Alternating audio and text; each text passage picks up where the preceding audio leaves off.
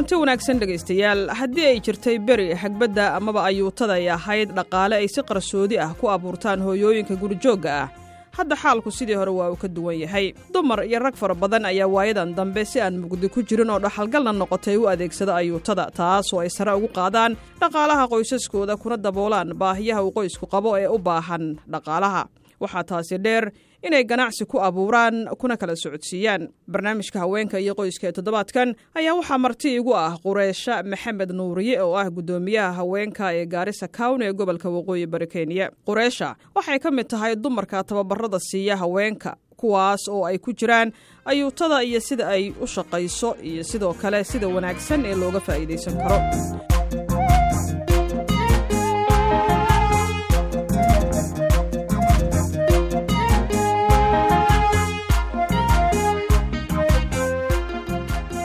soo dhowow barnaamijka haweenka iyo qoyska. Marka xiga waxaad igu bilowdaa sida ay ku timid in ayuutada ay ka mid noqoto howlaha uu xafiiskaaga. Gacanta ka geysto. Wallaahi horta dad qaarkood aan aanan fahamsanayn baa jirtaa magarat inta fahamsan waa inta magaalo jooga oo dhaqdhaqaaqa xoogahoo yara leh. Laakiin dadka tuulooyinka ama maamooyinka xaafad jooga waxaas ma fahamsan oo muhiimka muhiimadeeda aysan garanaynin. Ma garat marka ayuutada nafteeda waxay u baahan tahay in dadkii la wacyigeliyo oo la dhaha bal muhiimadeedii bal horta inay jaribeeyaan oy maaragtay ay filciyo qaarkood intay bilaabaan bay dhexdan ay ka baxayaan oo qadkay ka baxayan arkayan waxa inay shaqo badan ay tahay. Marka waxaan ku wacyigelinaa inay waxaan ay joogto ay noqon karto oo daily maaragtay activityga lifestylekooda ay ka mid noqoto. Maxaa yeelay maanta boqol ama konton ama iyo miday waxba a haysanin hadda konton ama boqol meel ay dhigato oy maxay ahayd ayagoo shirkad oo ama labaatan ama bilcaan toban isqabsadaan beri kamaan becshare ku furanayaan laakiin soomaali haddaan anaga waxaas maarata dulqaadkaas badan ma lihin. So waxaan had iyo jeer aan ku baraarujinaa inaysan ay ka daalin oy maxay ahayde ay ay arrintaas ay kushii tallaabaqaadan aynan sii weynaystaan.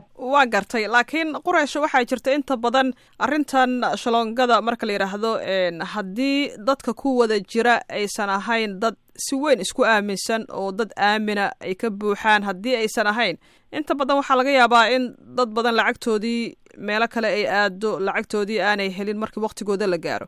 Marka adiga ka guddoomiye ahaan arrintaasi ma kala maaraysaa ama ma kala shaqaysaa haweenka raba in ay shuraaka noqdaan oo ay shalongo samaystaan oo lacagtii markay soo ururtaba ay mid qaadato si ay markaasi ganacsi ama beecsharo ay ugu furtaan? Adiga kaalintaada maxay tahay aniga kaalinteena waxaa waaye horta meeshan waxaa jirta horta ayaga dhexdooda is grant grant waxaa lahaa jirtaa ma garan grantka waxaa waaye ayaga is daminanayaan. Say isu daminanayaan. Aniga oo kale adiga aniga oo kale ruuxaan aqaanaa keensani. Because dad walba adduunka hadda isma aamino sidaas sheegta horuna ayuutada dhexda ay ka kala go'i ruux baa lacagta la go'i. Markuu lacagta u qaato dadka dambe lacagtii oo sida deynta lagu lahay isagoo bixinin buu iskaga bixi. So hadda waxaa la yeelaa dadka granta la suubinay ruuxa grant waxaa rabaa in maxay ahayd ani dadkii aan keenay in ani aan grant ka noqdo hadday bixin waayaan marka iyada procedure waxaa jirtaa m o u yar ay kala saxiixayaan m o u waxaa ruuxii sharcigaas ka gudbo marka iyaga tallaabaqaad ama maxkamadeed ama maxay si dawlad yaalo iskula dhaadhici maxay waa waa wax sharci shar sharci yar oo maamooyinka dhexdooda loogu talagalay inay kala qoraan ay kala subsadaan yaa badanaa u kala qora sharcigaas oo haddii qof uu ka baxo haddii qof uu lacagtii isagoon bixinin uu iska tago haddii qof lacagtii uu bixin waayo haddii qof uu carqalad ku dhex abuuro yaa sharcigaas u kala saxiixa. Inta ay shalongadaani socoto oo qofka ugu dambeeya intuu ka qaadanayo in uusan buuq ka dhicin yaa u kala saxiixo? Ha iyada waxaa u kala saxiixa anaga looyaraan qabnaa ma garan. Ama chief hadday tuulo ay tahayna chiefki baa joogaa oo duqeydi baa joogtaa chiefki baa joogaa so processkan waxaa waaye waxaan ku leeyahay waxaa waaye training baan usuubinaa waxyaalahaasaa ka mid aan kahortag ku suubinayn inay dhagaan maamooyinka lacagaha ila goosan. Oo waxaan ay noqoto wax sharci oo go-on oo ruux ilaahay ruux u dambeeya. Lacag intuu ka qaadanayo aanan la goosan karin. Soo sharciyaalkan waxaa waaye chief hadday maxay tuulo ay tahay chief baa joogaa eldaas duqeydi baa joogtaa hadday maxay ahayde anaga gaa haddaan joognana waxaa waaye meesha lawyer baa joogaa so agreement markaa kala qaadanaysin lawyerkaas idin saxiixa oo idinkala idinkula dhex kala dhex jiraan ruuxa sharciga haddii la mariyo ma kuma degdegayso oo xoolaha dadkale iyadoona dhamaashtirin marka iyada gurka kama baxayso markii lacag lala goysanayo ma laha.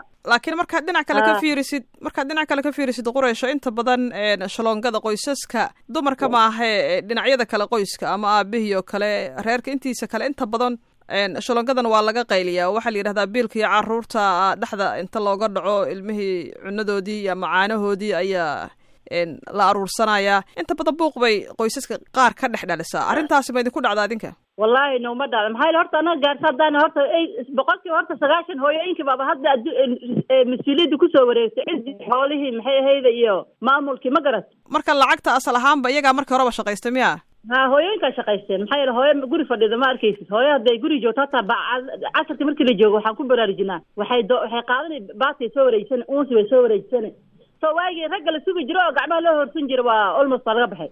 Marka xoolahoodii bay qaarna carruurta siisanayaan qaarna aruursanayaan ha qaarna ay ursanaya because hadda beri cunuga fiiska markii looga baahda ayadaas lacagtaas ay aruursatay wiilka fiiska oga bixin gabadha fiiska oga bixin oo ilmihii maxay ahayd iid haddii loo baahanya ay oga iibsani so raggii aad boqol kiiba boqol aad maxay ahayd loomaba sii loguma loomaba sii hanweynaba oo dumarka ma sugaan dumarka ma sugaan ha raggi. Because hadda maamulka ragga waa haystaa oo biilka ilmaha asagana wuu keeni laakin wixii hoose hoose becsharo ay haystaan maamooyinka ayaa ismanaj garayaan. Marka ilaa iyo hadda inta adigu ogaanta imise dumara oo shalongadan wax ku urursaday dhaqaalo ku urursaday ayaa ganacsi samaystay. Intaad og tahay wallahi horta intaan ogahay maamooyinka way badan yihiin. Hadda waxay ku jiraan ayagii dhexdood hadda iyadoo shaqada weli u waxaa jirtaa maamooyinka dahabka ee hadda shalongay ku jiraan kuwa baatiyaalka ayagana oo kale ayago ay suubiyaan. Hataa midda dhuxul gadata way ku jirtaa. Midda caanooleyda oo jaaga jarganka dhabarka ku haysata caanooley association la dhaha way ku wada jiraan shalongada. Ma garat so mid walbaba heerkeedaasay garaacay. Tii caanooley caanaheedii bay kula jirtaa. Midda dhuxusha midda midda meel walba midii alla midii daily bread oo meel yar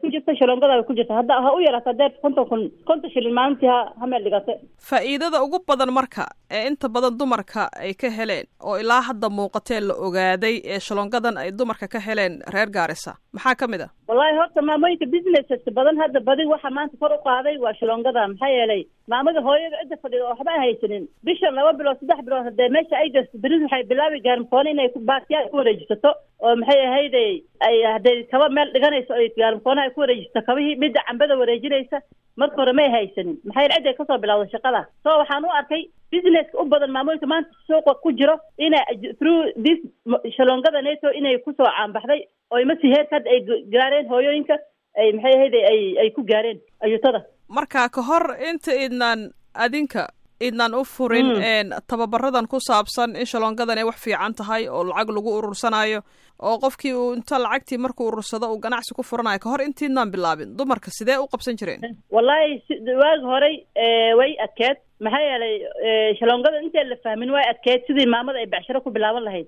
Waxaa u badnayd hooyadii ba iska fadhidaa ninkii baa lagu sugi biilkii ha yaraata ha badnaata wuxuu keena marka hadda waagi hore waxay ahayd way cuslayd. Maamooyinka waa arki jirta waa waxay dhici jirta inay hooyada way ku yareed suuqa inay gasho. Ma garat hadda laakiin maadaama systemka la fahmay waxay arta maamada guri fadhida inay maxay ahayd uga muhiimsan tahay inay suuqa ay ku gasho. Shalongada waxay yareed bishan ay bilaabi saddex afar bilood ka dambe waxay aragtaa labaatanko soddonko kun ay business ku bilaabto inay hesho. So waxa waye from zero inay maxay ahayd haddana ay suuqa ay ku gashay shalongada so waxaan u aragnay faa'iido weyn inay kala kulmeen hooyooyinka. Waa gartay. Taasi waa hal tallaabo hadda aad ku guulaysateen ka gaarisa ahaan. Maxaad tiigsanaysaan?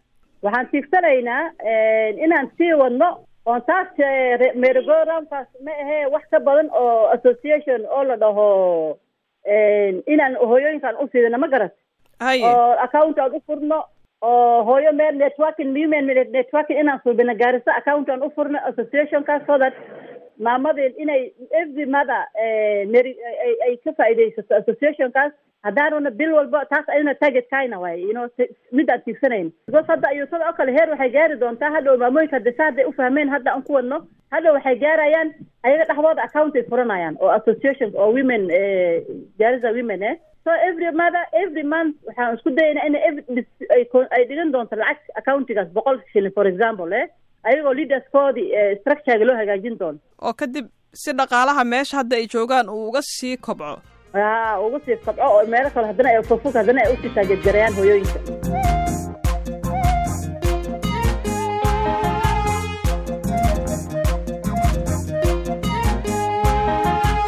Intaas ayaan dhegaystayaal ku soo koobayaa barnaamijka haweenka iyo qoyska ee toddobaadkan aanu ku soo qaadannay. Dumar badan oo waayadan dambe si aan mugdi ku jirin oo dhaxalgalna noqotay u adeegsadaa ayuutada taas oo ay sare ugu qaadaan dhaqaalaha qoysaskooda. Waxaana marti igu ahayd guddoomiyaha haweenka gaarisa cown ee gobolka waqooyi bari kenya. Waxaana dhegaystayaal naga xusuusina in toddobaadka dambe aannu barnaamijkan ku eegi doonno heerarka kala duwan ee hagbadda iyo kaalinta ay kaga jirto kobaca dhaqaale ee qoysaska. Intaan mar kale kulmayno waxaan dhammaantiin idin leeyahay ramadaan kariim